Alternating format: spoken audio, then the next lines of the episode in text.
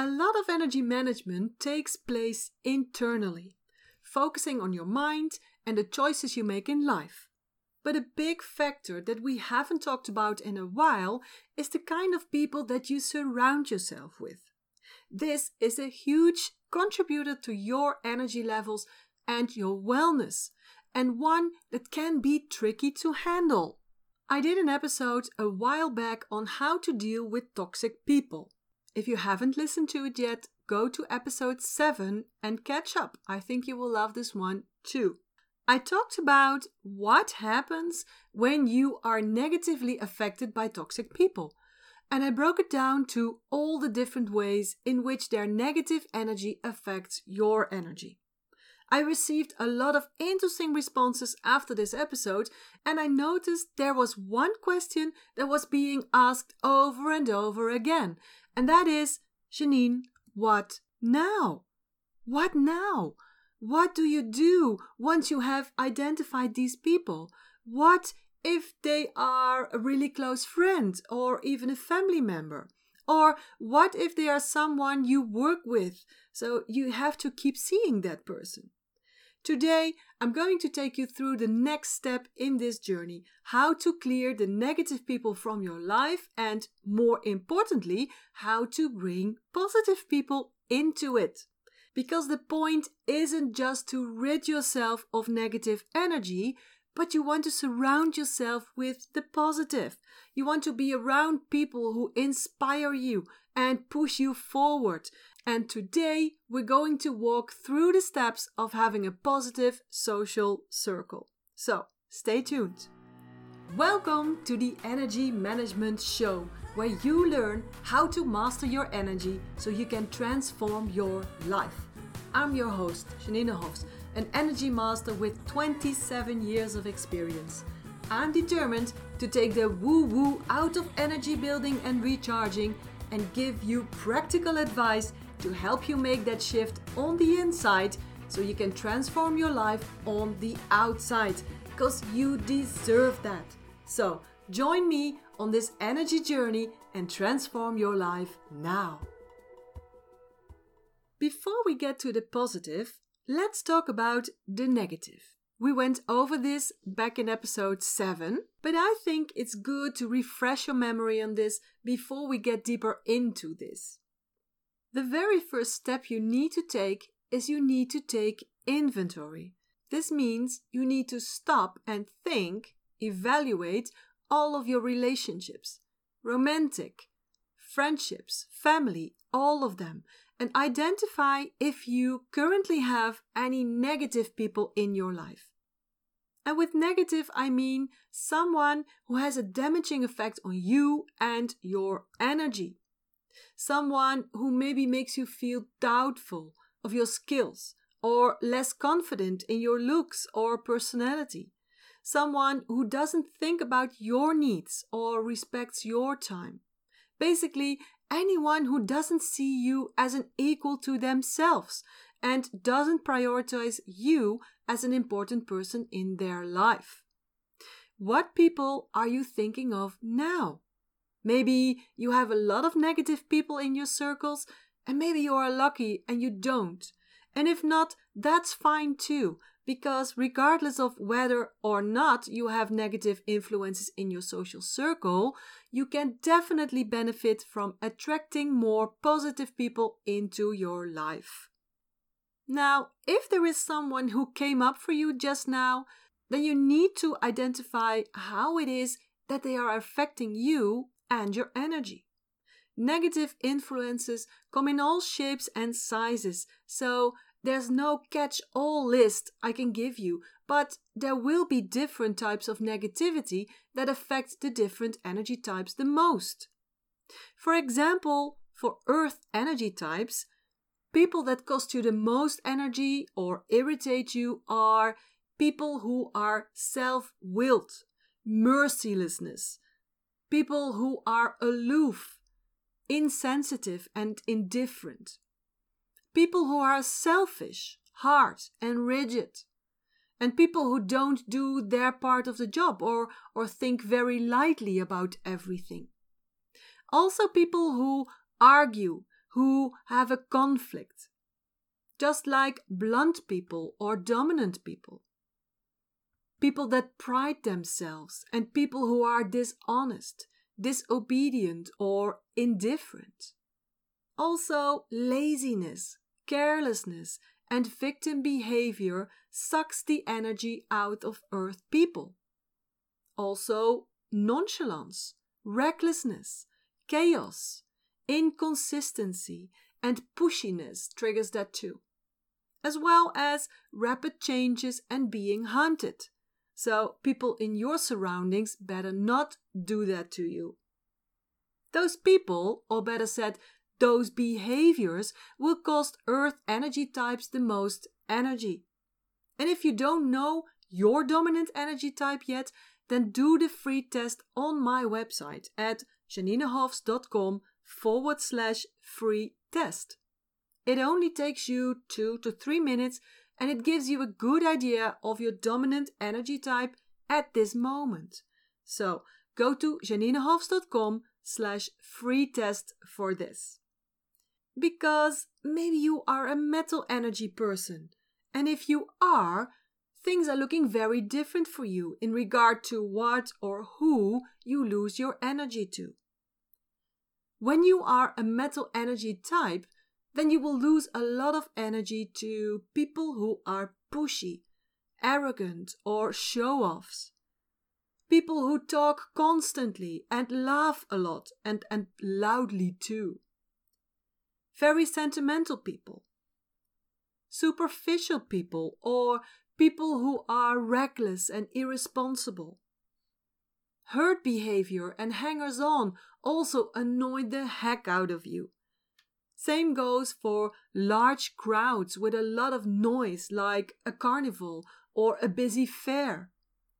Metal gets the heebie jeebies from people who love everything, who always think positively, and who never seem to worry about anything. And to be honest, you don't like woo woo stuff either. You can't stand counterfeiting, dishonesty, and people who are superficial. Dependent and submissive people and people who always agree on everything are annoying you. But on the other hand, disobedience, people who are in constant contradiction, and people who create their own rules do that too. Chaos, carelessness, nonchalance, and inconsistency also cost you energy. Do you see how this is a completely different list from the first one I mentioned? This is why it's so important to know your dominant energy type because every type is triggered by a different thing or different things. So, if we're talking about energy management, then every type should follow different rules, do different exercises, use different affirmations to master their energy. Okay, let's go to the water energy types. Again, this is a very different list. Although water has a lot of common likes and dislikes with metal, but it's slightly different. Water energy types cannot stand dullness and boring people. They're also losing energy when they have to be among people all the time, when people are constantly asking for their attention, or when people are intrusive. They are annoyed by passive people, people who just don't take action, who are playing the victim and indulge in self pity.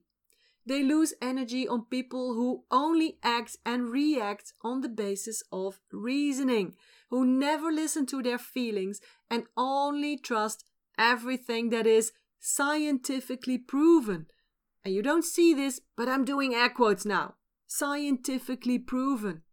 Because I'm, I'm a water energy person myself. They also lose energy on pushiness, spinelessness, passive people, cynic people, blunt inflexibility, stupidity, disinterest, hangers on, people without dreams and goals, and people who constantly say yes, but. Ugh, that's so true for me. their energy frequency also goes down as a reaction on pessimism, indifference, straightforwardness, boring things, boring people, boring conversations, superficiality, invisibility, predictability, and dishonesty. And if you yourself are not a water energy person, you might find this list a little weird. But if you are a water energy type, then you will find this a feast of recognition. Okay, let's move on to wood. And you will see that the yang energy comes into play now. Wood energy people are immediately dragged out of their energy when they are limited or when they come across passivity. They lose energy on people with no purpose, no goals, and on inefficiency, indecisiveness, on people who lack dedication. They load submissiveness, mediocrity, invisibility, and dependence. They get tired from people who have no opinion of their own, take no initiative, have no boundaries, people pleasers. They have no patience for stupidity, clumsiness, or people who hesitate, people who are cowardly, tedious, and slow. They hate dull and predictable. They are allergic to bureaucracy, paperwork, and details. That is all so boring. And because they hate to be in the box and they hate rules, they lose energy on rigid people, authorities that force them to do something or give them orders. So you see, this again is a whole other list than, for example, the metal energy list. The type we haven't discussed yet is fire. Fire is very outgoing and loses its energy on silence and closed inward motions. They will trigger on people who come across as disinterested, on wallflowers and seed warmers, on boring people, invisibility. They can't stand people who are stingy, who do not share, and also insensitive people, hard and cold. They lose energy on rigid and closed off people, people you can't get through, and of course, sourpusses and negativity. They are allergic to bureaucracy, dullness, everything and everyone predictable, and always the same, the same talks or behaviors. Their fire is put out by people with no passion, no fire. Again, an entirely different list. Now, did you notice that what one element loves is the allergy of another element? For example, a fire energy person loves to talk a lot and laugh a lot and loud, and that is exactly what metal can't stand what metal will lose energy on, and vice versa. Metal loves to retreat, needs silence and quiet time, and that's exactly what fire can't stand. What fire will lose energy on. This is because they are opposite elements. So the qualities of your opposite elements will be your allergies. And I'll say this again. The qualities of your opposite elements will be your allergy. That means that earth energy types will lose energy on the qualities of water and wood energy types, especially when they overdo those qualities. Metal energy types will lose energy on the qualities of wood and fire energy types. Water energy types will lose energy on the qualities of fire and earth energy types. Wood energy types will lose energy on the qualities of earth and metal energy types. And fire energy types will lose their energy on the qualities of metal and water energy types. So, that is something that you have to take into account when you are looking at your environment. A toxic person to you isn't synonymous with a bad person. It just means that that one specific person's energy type doesn't vibe well with yours. They can be a perfectly nice person with lots of great qualities. In fact, they are probably doing what is good for their energy, but they are just the opposite of what you need or can handle at that moment in your life. Okay, now that you have identified the negative influences on your energy, you have to choose what to do with that information. Are you going to disconnect yourself from them? But that's easier said than done, isn't it? This person might be one of your closest friends, or it might be a family member, or even a parent. So maybe it's a better idea to be not that rigid and put your energy in filling your life with positive people. Just like how you identify the negative and toxic presence in your life, you can identify the positive. Positive people will make you feel like your best self when you're around them. You'll feel at ease being yourself, and your energy will feel fortified and strong. They will not judge you. They won't dismiss your ideas without speaking from knowledge or even experience. They will allow you to make your own mistakes, and they will be happy when you are happy. Now, you might ask yourself, where do I find those people? Well, in order to attract more positive people in your life, I have two rules for you. The first rule is everything works from the inside out. As within, so without. So, my dear, it all starts with you. It's your job to make yourself happy, to be the positive energy that you want to attract. Because energies of the same vibration attract each other. And maybe this is tough stuff for you, but you have to take responsibility for your own life. That is the only way you can get to mastering your energy and to a happy life. Energies of the same vibration attract each other. So the energy you have around you is the result of the energy you have inside of you. So, as soon as you change your own energy, your own energy frequency, the energy around you will start to change too. And all the people I work with, all my students, will confirm that. As within, so without. So instead of asking yourself why you have all those negative people around you, you better ask yourself questions like this What is the energy I'm looking for in the other person? What are the characteristics I'm looking for in other people? What do I miss in my circles? And how can I change my own energy frequency to match that what I want to attract? And the second rule, and that is Nothing will change if you keep everything on the inside. You won't meet new people when you're sitting on the couch binge watching Stranger Things. You need to get yourself out there. So, again, I have some questions for you that hopefully will get you in motion. Instead of asking yourself, why are there not enough supportive people in my circles? I invite you to ask yourself, where do people come together? People that I would like to get to know. Where could I go to meet new people? How could I invite new and interesting people in my life? And who could help me with that?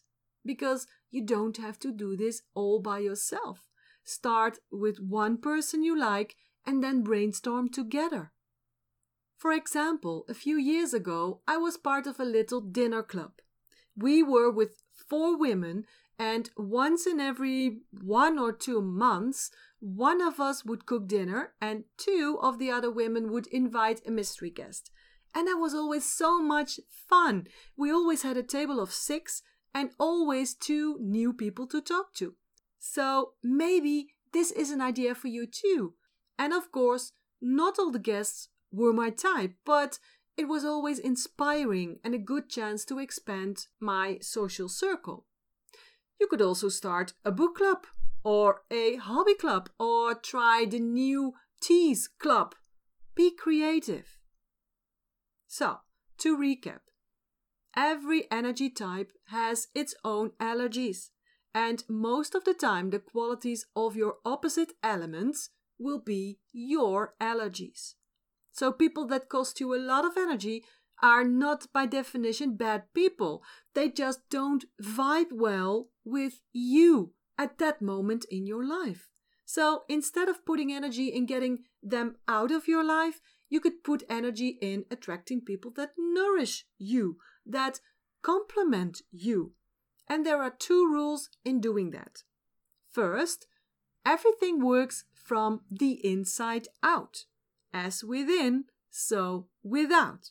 So it all starts with you. You have to be that positive energy that you want to attract. And I gave you a few good questions as a starting point. And the second rule is nothing will change if you keep everything on the inside. So get yourself out there. Okay, that's it for this week's episode, everybody. Thank you for tuning in today. I'm so happy to be helping you, opening up your life to all the positive vibes out there in the world. And remember to subscribe to the podcast if you want to continue gathering great tools for your energy management.